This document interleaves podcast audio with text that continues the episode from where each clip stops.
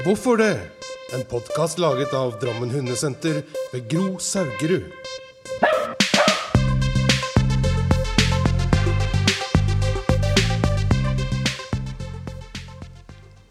Ja, nå er vi i gang igjen med enda en podkast om hund.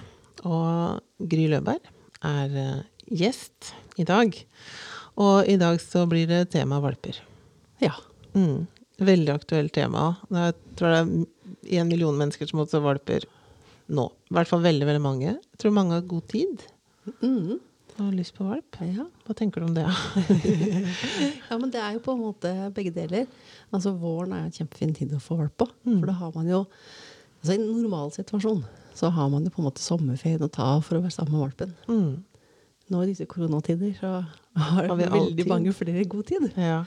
Så det er jo gunstig sånn sett. Mhm. Um, men det kan jo også lokke folk til å skaffe seg valp som ikke hadde tenkt på det før. Ja. Som kanskje ikke er forberedt på det. Mm, så vi skal forberede dem litt på det. Ja. Men først, for vi satt og snakka litt i stad Det er jo alltid sånn før man begynner på liksom liven her. Det, det er jo å drodle litt, for vi har kjent hverandre i ganske mange år. Ja, vi prøvde å finne ut av når det var, men er på slutten av 90-tallet en gang. Mm, og det er jo 98, kanskje?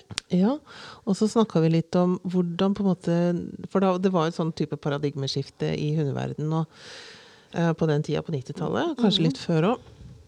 Også vi har jo holdt på nesten like lenge med, med hund. Og så, og så Det du gjorde, da, i, i hundeverden, det satt vi og snakka om i stad, det, var- det var liksom litt sånn annerledes. For før så var jo hundeklubbene Det var de som sto for kurs og sånn. Eh, og så begynte hundeskolene, og da var jeg en av de uh, som kom inn veldig tidlig. Ja, og da var det den gangen man kunne telle hundeskolene på en hånd. Ja, det vil si at det var ca. fem, da, tror jeg, i 93 når jeg starta. Og så var vi jo på mye seminarer sammen, vi traff hverandre litt der. Og så gjorde du en sånn ting som, som jeg syns var sånn uh, veldig stort. Og, og det var jo ei som hadde vært der før der, som også er veldig høyaktuelt på hund i, i Norge, liksom for oss som er nerdete og driver litt. Men du dro til, eh, til England. Ja.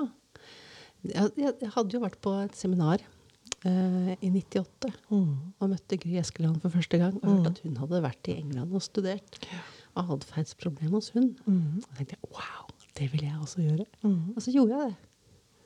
Så tok jeg en master i det. Ja.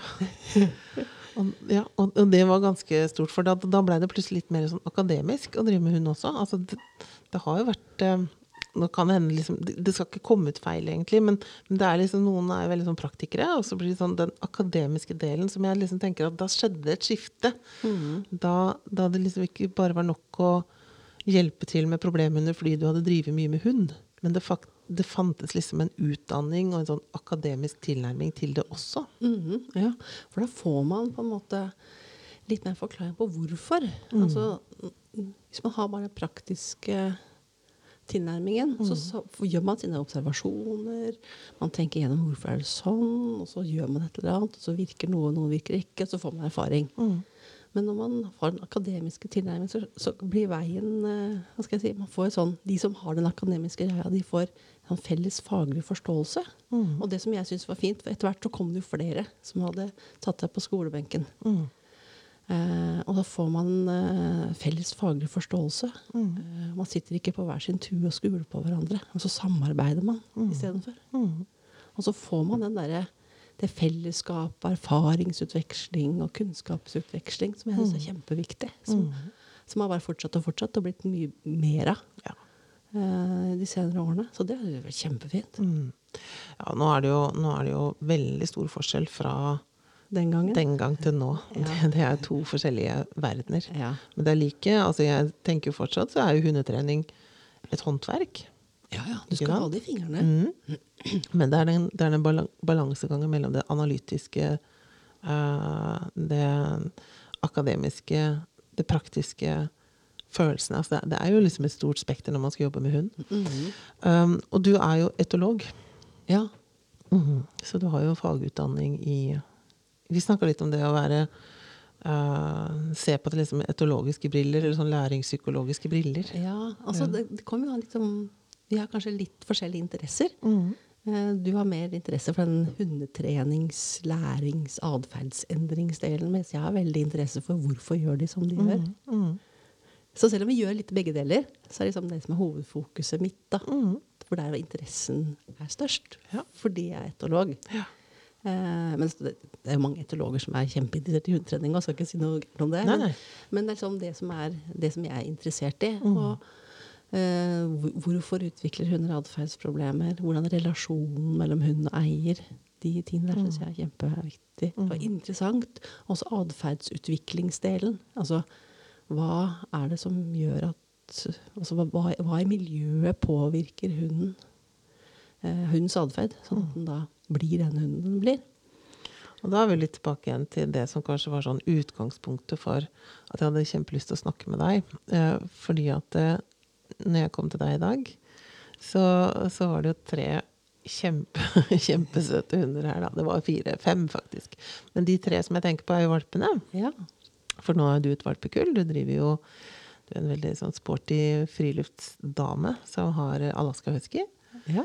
Eh, og så har du et kull nå som du skal ha til de blir voksne. Så du skal jo ha dem. De skal jo ende opp i en gruppe på 800, var det det du tenkte at det du skulle planen. ha? Det er planen. Ja, jeg had- startet først med én, og så to, og så pluss tre. Ja. Eh, og da trenger jeg tre til etter hvert, da. Ja. Men jeg må ta det litt pent og forsiktig. Jeg kan ikke gape over for mye på en gang. Nei. Og det Men så har du jo sittet og studert disse valpene, som er fem uker nå. Og så um, Du har jo skrevet en bok. Det Ja. var um, tilbake til uh, Jeg Ja, husker det er det. Gud a meg, når var det da? Det var hvert fall ja, så lenge siden at den boken, den, den er vel ikke så lett å få tak i Nei, lenger. den har gått ut. Mhm. Eh, den har sikkert eh, moden for revisjon nå. Ja. Fordi at eh, man har jo oppdaget og lært nye ting siden den gang. Det er noe med det. Og det Ja. handler jo om sosialisering, altså valpesosialisering. Ja, Jeg kalte boka 'Valpesosialisering', men den Mm. handler jo egentlig om alt som påvirker atferd fra Mm. unnfangelse til ja, fire-fem måneders alder, kan vi si- røftlig si. da. Det Ja. viktigste fram til tolv. Ja. Og, og det er jo mye av min jobb. Eh, jeg har jo valpekurs som er på en måte vår eh, nesten spesialitet, der vi har vir de tyngste instruktørene. Eh, vi, vi legger utrolig mye jobb i valpetreninga. Og ikke bare liksom trening av valpen, men kanskje å få eieren til å forstå. Og eieren til å lære. Snakke mye om verdigrunnlaget. Liksom, hvem vil du være som hundetrener? For du kan jo på en måte fortsatt velge hvilken vei du vil gå, i den forstand at du har kanskje med deg et læringssyn. Um, jeg mener at en hund skal opp, oppdras på den måten, og en annen mener at den skal oppdras på den måten. Og vi snakker kanskje litt om straffbasert eller belønningsbasert eller korrigeringsbasert eller sånne ting. Så vi, vi bruker mye, mye tid og krefter på å nå disse hundeeierne, da. Og du har også bakgrunn som problemhundtrener. Ja, jeg har jobba Mm. med atferdskonsultasjoner i noen år. Hatt ca. 1500 hunder på konsultasjon opp igjen. Hva, hva er egentlig det vanligste problemet? Klarer du å ta det sånn på sparket? Ja, det vanligste, altså En ting er det vanligste problemet som er, men det andre er hva er det vanligste problemet folk søker råd for. Ja. Eh, og det er aggresjoner mot fremmede mennesker og fremmede hunder. ja. Eh, og så kommer separasjonsangst etter det. Mm. Hva, hva tenker du er årsaken til det? At, det, at hunder utvikler eh, aggresjoner mot hunder og mennesker? Det er veldig sammensatt, for det er veldig mange forskjellige årsaker. Og så kan én hund ha flere årsaker også. Mm. men det jeg begynte å se på, var de, hva var fellesnevnere med de som kom. Så sånn røftlig to tredjedeler av de som kom for konsultasjon, solgt seint fra oppdretter. Hva er seint, da? Tre måneder. Ja. Man anbefaler åtte uker, eller to måneder, da. Mm. Uh, og da begynner man å lure på uh, hvor, hva, hva har skjedd her? Uh, og da jeg begynte å se det, så begynte den interessen for valpesosialiseringsbiten Eller den startet jo egentlig mens jeg studerte, for da skulle vi skrive litt om valpesosialisering. En oppgave. Så fant jeg at oi, her er det veldig mye viktig informasjon som er vanskelig tilgjengelig for den jevne hundeeier. Mm. Og så begynte jeg å gjøre meg erfaring på atferdskonsultasjoner og så at oi, men det her har vi det i praksis. Så skrev jeg boka. Så det var liksom så, litt sammensatt. Men eh, manglende sosialisering så ut da til å være en, en av de viktigste årsakene til mange hunder som kommer på konsultasjon.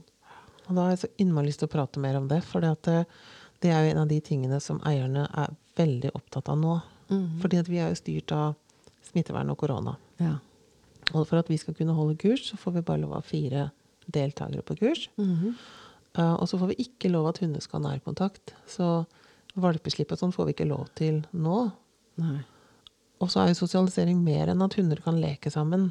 Ja. Men nå er det jo liksom Folk lever litt sånn i små, isolerte grupper og har kanskje ikke så tilgang på mange fremmede, og man vegrer seg litt for den her kontakten kontakten menneske-hund og sånn. Ja. Hva, kan du ikke fortelle litt om hva er det som er viktig med valper, både hos oppdretteren, kanskje som ett tema, og så Ja. Hva hundeeieren kan gjøre når du får seg en valp nå? Mm. Altså oppdretteren, altså Ideelt sett, da, i en idealverden, så burde en værvalp treffe 100 forskjellige mennesker før den er åtte uker. Men det skal godt gjøres nå. Ja, det er vanskelig nå. Ja. Og så tror jeg at veldig mange valper nå blir habituert på folk og ikke sosialisert. Det vil si, de venner seg til at menneskene er der, men de lærer ikke å samhandle med de. Nei, og hva er forskjellen i praksis, da? For at ofte så blir jo sånne setninger sånn Vi snakker litt sånn samme språk, Ja. sier ja. Og så må jeg huske litt på nå å dykke litt dypere, for habituering er kanskje ikke et ord som de fleste Miljøtrening er det mange som bruker som uttrykk. Eh, og det er det at de skal bli vant til ting som skjer i miljøet. Bli vant til at det er der, uten at de bryr seg om det. Om de, det. Ja. Eh, man snakker jo om miljøtrening i forhold til lyder og kjøre bil og ting som ja, trafikk, for eksempel, og så videre. Eh, og hvis, man, hvis hunden ser mange andre hunder, så blir den miljøtrent på andre hunder. Den ser at de er der, venner seg til de, og bryr seg ikke noe særlig om det. Men de lærer ikke å samhandle med de. Det er noe man gjør gjennom sosialiseringen. Og sosialisering er å lære å kjenne igjen, og lære å samhandle med. ja. Altså prate med, altså hundespråk, utvikle det, Mm, og ja. De lærer, de, ja, de lærer å leke, de lærer å eh, Bitehemmingen fortsetter jo også. Eh, selv om det er noe som de begynte med i valpekassa, så fortsetter jo den videre. Eh, så så det, det, er, det er to liksom litt viktige forskjeller, da. mm. Og det tror jeg mange opplever kanskje som du kanskje opplever på valpekurs. Første dagen på valp, kvelden på valpekurset er litt sånn kaotisk, og mange blir sånn disorientert og forvirret og litt stressa og sånt nå, Men kurskveld to går som regel mye bedre. Mm. For da har de blitt vant til settingen og vant til Da har de på en måte blitt miljøtrent på den situasjonen. Mm. Det er mye mer mottakelig for læring. Men, men disse valpeslippene, valpefester, valpesosialiseringsgreiene, det er jo dette her med å være løs og samhandle med andre. Mm. Og det, vi er veldig nøye på det. Mm. At de skal eh, fungere Størrelsen skal passe, sånn at ikke en stor hund kan skade en liten hund. For det er klart at har du en Vi kaller de jo for hundeverdens tanks. Det er labradoren. de kommer jo bedunder og brak fra de er ganske små. Det er liksom mye kropper og mye tyngde og mye av alt med god hensikt, altså med gode hensikter, da. Men hvis de leker med noen egentlig på samme størrelse, så kan det gå helt hurra meg rundt, for de er så fysiske. Ja. Så man må tenke seg litt om da. At ikke kanskje en, en sånn tanks får, leve, får leke med en litt mer skjør Si kanskje en mynde, eller som kanskje er like høy og like gammel. Så vi er veldig nøye med det. Mm. Og så er vi nøye med at leken skal være jevnbyrdig. At ikke en alltid ligger nede, og en alltid står oppå. Så det må være et skifte i aktivitet. Ja. Uh, og så må vi se på at begge eller alle har det fint i leken. Og det kan jo være vanskelig å se. Liksom, hvilke tegn skal man se etter da? man prøver litt først, og så se åssen det går. Men det er jo også ofte så er det jo like barn leker best. Men samtidig så må de jo også få leke med de andre som leker litt annerledes òg. Ja. For erfaring med at det er noen hunder som kommer litt sånn voldsomt på i full fart. Uten at den nødvendigvis trenger å være skummelt. Sånn at de lærer det òg. Men det er den der gylne middelvei. Ja, de skal bli eksponert for det som kan være litt ekkelt, men som går bra. Men ikke for ekkelt så det går dårlig. Ja, for da tenker jeg kanskje hvis du har denne tanksen, da, Ja. som dundrer på en vippet, og den går i bakken, ikke sant? Altså, Ja. man, litt så man ikke skader, skader hundene. Mm. Og så er det jo litt sånn på sånne typer valpefester eller valpetreff og sånn, så har vi kanskje sånne begrensa områder. En plen eller et inngjerda pit, altså en liten område. Og vi opplever jo at der kan hunder bli veldig fokusert på hverandre. Men når man går i terreng og sånn, så får man ofte et helt annet slipp, da. Mm. Så man får tenke litt på det også. Så jeg tenker jo at det å sosialisere valper med andre valper, det er liksom kunst. Ja. Jeg husker jeg var eh, da jeg den eh, Moren til valpene. Hun eh, hadde vi på sånn valpesosialiseringsgreie. Og der var det veldig mange folk. Veldig mange valper. På et veldig avgrenset område. Og så var det en del der som slapp valpene, men det fulgte ikke med på hva de gjorde. Nei. Og jeg løp rundt og gjeta min og passet på at den ikke skulle plage noen, men samtidig redde den fra noen som plagde den hele tiden. Mens de andre sto der og drakk kaffe og så på hverandre og skravla. Man må følge med. Ja. Det er kanskje et viktig budskap. Man må følge med og se at det her går bra, at alle har det fint. Ja. Og, og det er jo noen som så spør når du kommer på kurs, for nå er det så veldig lite tilgang. Eh, kanskje ikke Jo, jeg, jeg tenker sånn generelt så har mange litt liten tilgang på andre valper i sitt nærområde. For mm. de har ikke begynt på hundeklubber ennå. De har liksom De de er ikke i noe hundemiljø ennå. De har jo ikke hund som hobby. Eh, kanskje de ikke får det heller, men de har liksom kjøpt seg en hund Ja. som, skal, skal fylle et behov, da. Mm. Eh, og, og vi andre, kanskje som deg og meg, vi kjøper hund fordi vi har en hobby på en måte også oppå all jobben. At den skal, den skal fylle noe som vi syns er gøy å gjøre med hund. Søke eller gå på skauen eller kjøre sleder eller Men veldig mange har ikke, har ikke den inngangsporten, da. Så derfor så er det ikke, kjenner de kanskje ikke så mange som har andre valper som passer. Og så, og så, og så spør de på kurs Men en nabo, den har en, den har en hund som er ni måneder, eller den har en hund på 15 måneder, som kanskje er ganger 10 i størrelsen og ganger 100 i engasjement. Kan vi slippe de to sammen? Mm. Og da er det sånn, ja, det er veldig vanskelig for meg å si, for jeg kjenner jo ikke den nabohunden. Og så kjenner jeg jo ikke valpen så godt ennå. For noen ganger så kan det jo gå kjempebra at en valp kommer med en voksen hund. Ja, Og andre ganger kan jo det gå helt over stokk og stein. Mm. Og så handler det litt om de tobente, om de klarer å observere om det går bra eller ikke. Mm. Og stoppe mens leken er god, eller hvis den ikke, Hvis den ikke er god. Ikke er god. Ja. Og jeg syns veldig mange sier 'jeg fikk så dårlig magefølelse'. Ja. Så ja, men lytt til den. Ja. Hvis du kjenner at dette her Nå er valpen din eller din ungen helt krapyl, nå er den helt tullete. Mm. Ja, men stopp det. Hvis du ikke liker det. Eller de opplever at den andre er så voldsom, og så kjenner, har de lyst til å passe på valpen sin, og så ta den bort. Ja, men gjør det. For det er antagelig riktig. Ja. Men så sier kanskje den andre her Nei da, dette har de så godt, da.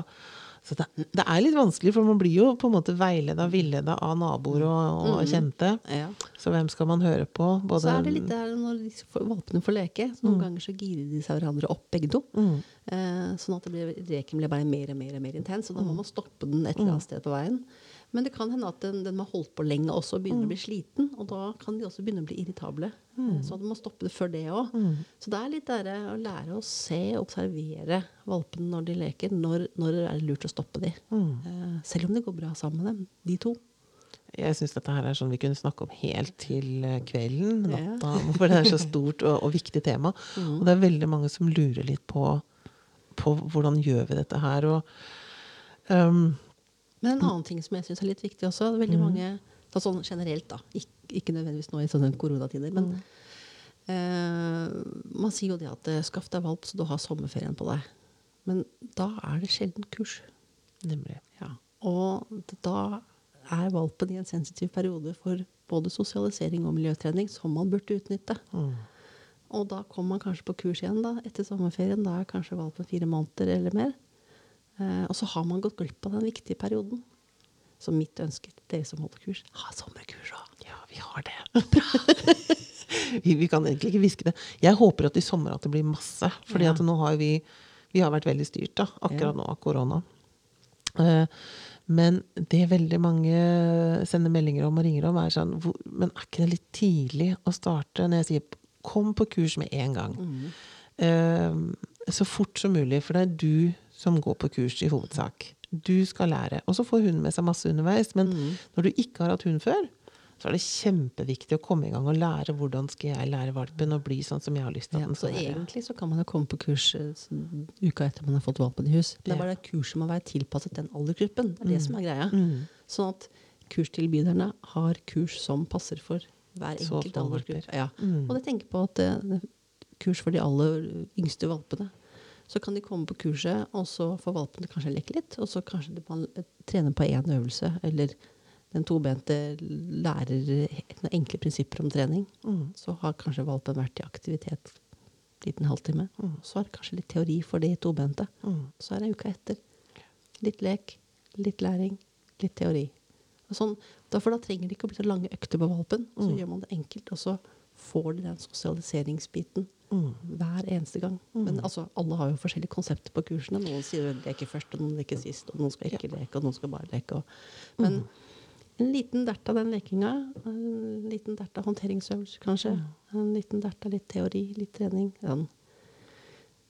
Noe sånn enkelt å lære de tobente Når er det båndtvangstid, f.eks.? Ja. For den er jo nå, bare for å ha sagt det. Ja. ja, ja, det er masse ting som Det er litt lover og regler som, eh, som gjelder, som ikke bare har med hundetrening å gjøre, men for liksom Man kan faktisk ikke bare slippe de nå, selv om det er en liten valp.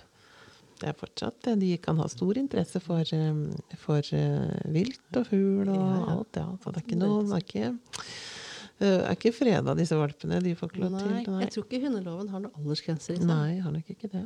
Så, nei, men jeg, jeg, jeg tenker en annen ting også, Gry, og det er i forhold til eh, når man velger sosialisering. Og nå, nå er det ikke engang sikkert vi er enige om det jeg påstår nå, Nei. men det gjør jo ikke noe. Neida. Jeg er litt restriktiv med båndhilsing. Ja. Mm. Og jeg er også restriktiv på at de ikke trenger å hilse på alt. For jeg tenker et litt sånn langsiktig konsept i det. Ja. For en av de tingene vi opplever som kanskje ikke som er så store problemer at de oppsøker en atferdstrener for å få bukt med det, eh, men det er at mange hunder har en usannsynlig høy interesse for andre hunder. Mm.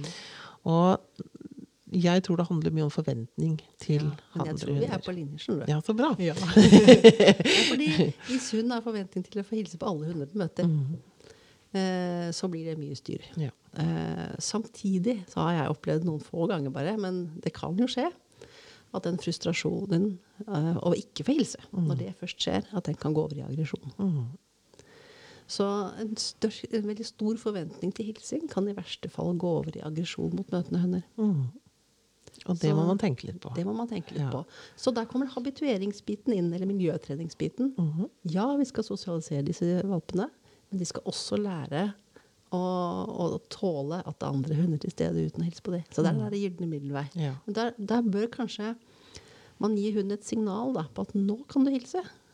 Og hvis ikke den får det signalet, så slipper den å ha de forventningene. Mm. Det handler litt om å slippe å gå rundt og være stressa og ha forventninger til alt mulig rart. Også. Mhm. Det er dyrevelferd. absolutt. Og jeg tenker at det kan gjelde litt på mennesker òg. For det er jo noen som også opplever at valpen eller unghunden kan bli helt vill når den møter andre, som den, både som den kjenner og ikke kjenner, av tobeinte. Mhm. Så, så det er ganske vanlige litt eldre valper eller unghundproblematikk hos oss. Det er jo at de det blir draing i bånd, og det blir høy aktivitet. Um, så vi, vi snakker litt om det at hva, hva er sosialiseringa? Når du skal sosialisere valpen, så har vi snakka om det å finne gode lekekamerater. Eh, at de leker på et sett og vis riktig, eller i hvert fall samstemt. Mm. At de skal tåle hverandres dialekter. Mm. Og at noen kan være brå uten å være farlig, Ja. for eksempel. Men husk også at de skal sosialiseres på to bente. Da. Ja, nemlig. Mm. Og du, vi snakka litt om det nå, for du hadde vel et mål at du skulle ha i utgangspunktet mange besøkende inn her, og så kom koronaen. Ja. Ja. Men uh, vi, vi er kommet et stykke på vei, men vi kom Mm. nok ikke halvparten engang. Um, det er jo en tid som uh, valpeeieren ikke har så god kontroll på. Det er jo den, egentlig den tida du disponerer nå, før de kommer og kjøper hunden. Ja. Hvis de skal gå til en oppdretter, for nå er det jo faktisk et valg å si at ja, jeg vil kjøpe valp derfra, og ikke derfra. Mm. Uh, det kan se ut som i miljøet at det er litt motsatt.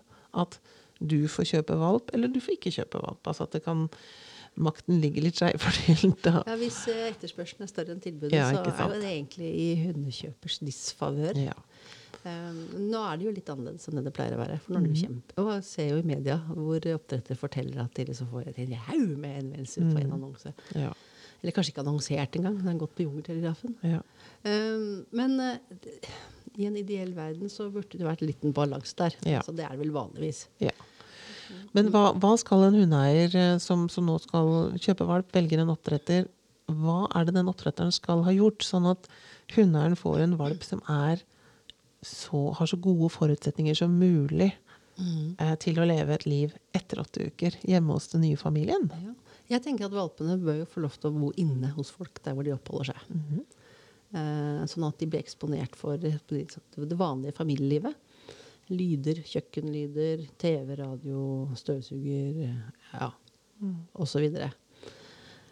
Eh, for da blir de vant til altså, de smålydene, og så bør man kanskje eksponere dem ekstra for noen ting. Eh, ta med valpene ut. De får bli eksponert for ting ute også. Gjerne en biltur eller to eller tre, eller hva man rekker. Eh, og så ta med valpene på steder ute hvor de kan observere ting. Trenger ikke å hilse på. Du kan se miljøer, se trafikk, se folkemengder. Altså bare være der og se på. Det er den miljøtreningsdelen, da. Så bør de jo treffe forskjellige folk. Eh, det jeg har merka her, er at her er vi jo to damer i huset. Og jeg har flest venninner, ikke så mange kompiser. Eh, det er manko på menn som kommer innom nå. Ja. Skal, vi kan jo legge det som Så det er bare å komme. Den her kunne det blitt tatt helt feil. Nei, men altså, valpene må få treffe, valpene må få treffe folk av begge kjønn. Ja. Eh, Og og kanskje ulike aldre. i ulike aldre også, ja. Med uten skjegg og Ja. ja. Um, men det som man ofte ser, er at uh, hunder oftere blir, er mer redd for menn enn damer. Det er jo fordi ofte, jeg sier ikke alltid, men ofte så er oppdretteren, eller den som styrer mest med oppdrettet, er en dame. Så tar man med valpen til veterinæren, så er det stort sett en dame. Tar man med valpen til en hundetrener, så er det stort sett en dame. Så det er mye damer der ute. Ja, det er det. Veldig, veldig lite menn. Mhm. Selvfølgelig variasjoner på hva slags Jo, miljø. det Altså Er du i et jakthundmiljø eller hundekjøremiljø, så kan det jo være mer menn. Men uh, for den jevne familiehundoppdrettet, da, kan Mm. du si, så, så er det mest damer. Ja. Vi ser jo det når vi holder uh, særlig seminarer og sånn. Så er det jo ja, Nesten alle er damer. og før på alle kursene jeg holdt også. Det er Ja, liksom ja. vært 99,9% damer. mm, Men når vi starta i, gamle dager, Ja. da var det motsatt. Ja, da var det, var det ja. Og jeg var jo Jeg skal liksom vende tilbake til 80-tallet, og da var jeg jo 12-13 år da jeg starta en hundeklubb. Mm. Og det var jo ikke De damene som var der, de var ikke medlemmer engang. Men eh, de stekte vafler og hadde liksom sånne klassiske oppgaver. Og det var ikke de som trente hundene. Eh, men damene har kommet inn etter hvert. Så, så det er nok et poeng at, eh, at det er veldig sånn eh, kvinnedominert, som også påvirker eh, denne sosialiseringen. Ja. Sånn at det er viktig å tenke på at de blir eksponert for menn. Ja. Jeg tenker at vi skal avrunde akkurat den delen vi driver med nå. Um, og så um, klarer vi å finne sånne toppråd når det gjelder valper. Hva er det som er kjempeviktig for en valpeeier som sitter nå Jeg håper de hører på denne poden. Og, og sier Oi, det, dette er viktig at vi gjør. Nå må vi speede opp litt. Ja. Ta, ta med valpen overalt. Mm. Men uh, hvis den blir sliten, uh, eller så kan den bli stressa. Så stopp mens leken er god. Ja. Eh, men så la den få hvile litt og pause og sånt nå, og så ta den med videre. Er, er man på jobb? Det er jo ikke så alle som er på jobb nå, men ta den gjerne med hvis du har anledning til det. Eh, ta den med ut i miljøer sånn for å se på forskjellig. Det, mange tar jo med bikkja på, på skogen eller på fjellet og går tur. Men ta den med i litt urbane strøk sånn for eh, den type erfaring også. Og for de som venter nå på bedre tider, og venter med å gå på valpekurs Ja, men den viktige perioden, det som vi ikke har snakket om, da, er jo en veldig viktig periode for valpesosialisering når de er på en måte i den sensitive perioden. Og det er jo fram til de er sånn ca. tolv uker gamle. vi, skal ta, vi kan ta det på neste, neste tagning. Skal vi lage en, en liten ekstra på den? Fordi at eh, jeg tenker at nå har vi fått liksom gått gjennom litt sånn generelt. Og så, så tar vi en, eh, en ny runde på, på det helt spesielle. Fordi at det, det er mange som tror de har all verdens tid. Det er kjempedårlig tid. Nemlig. Så vi stopper den der, og så tar vi det i neste, neste episode. Hvorfor det? En podkast laget av Drammen Hundesenter ved Gro Saugerud.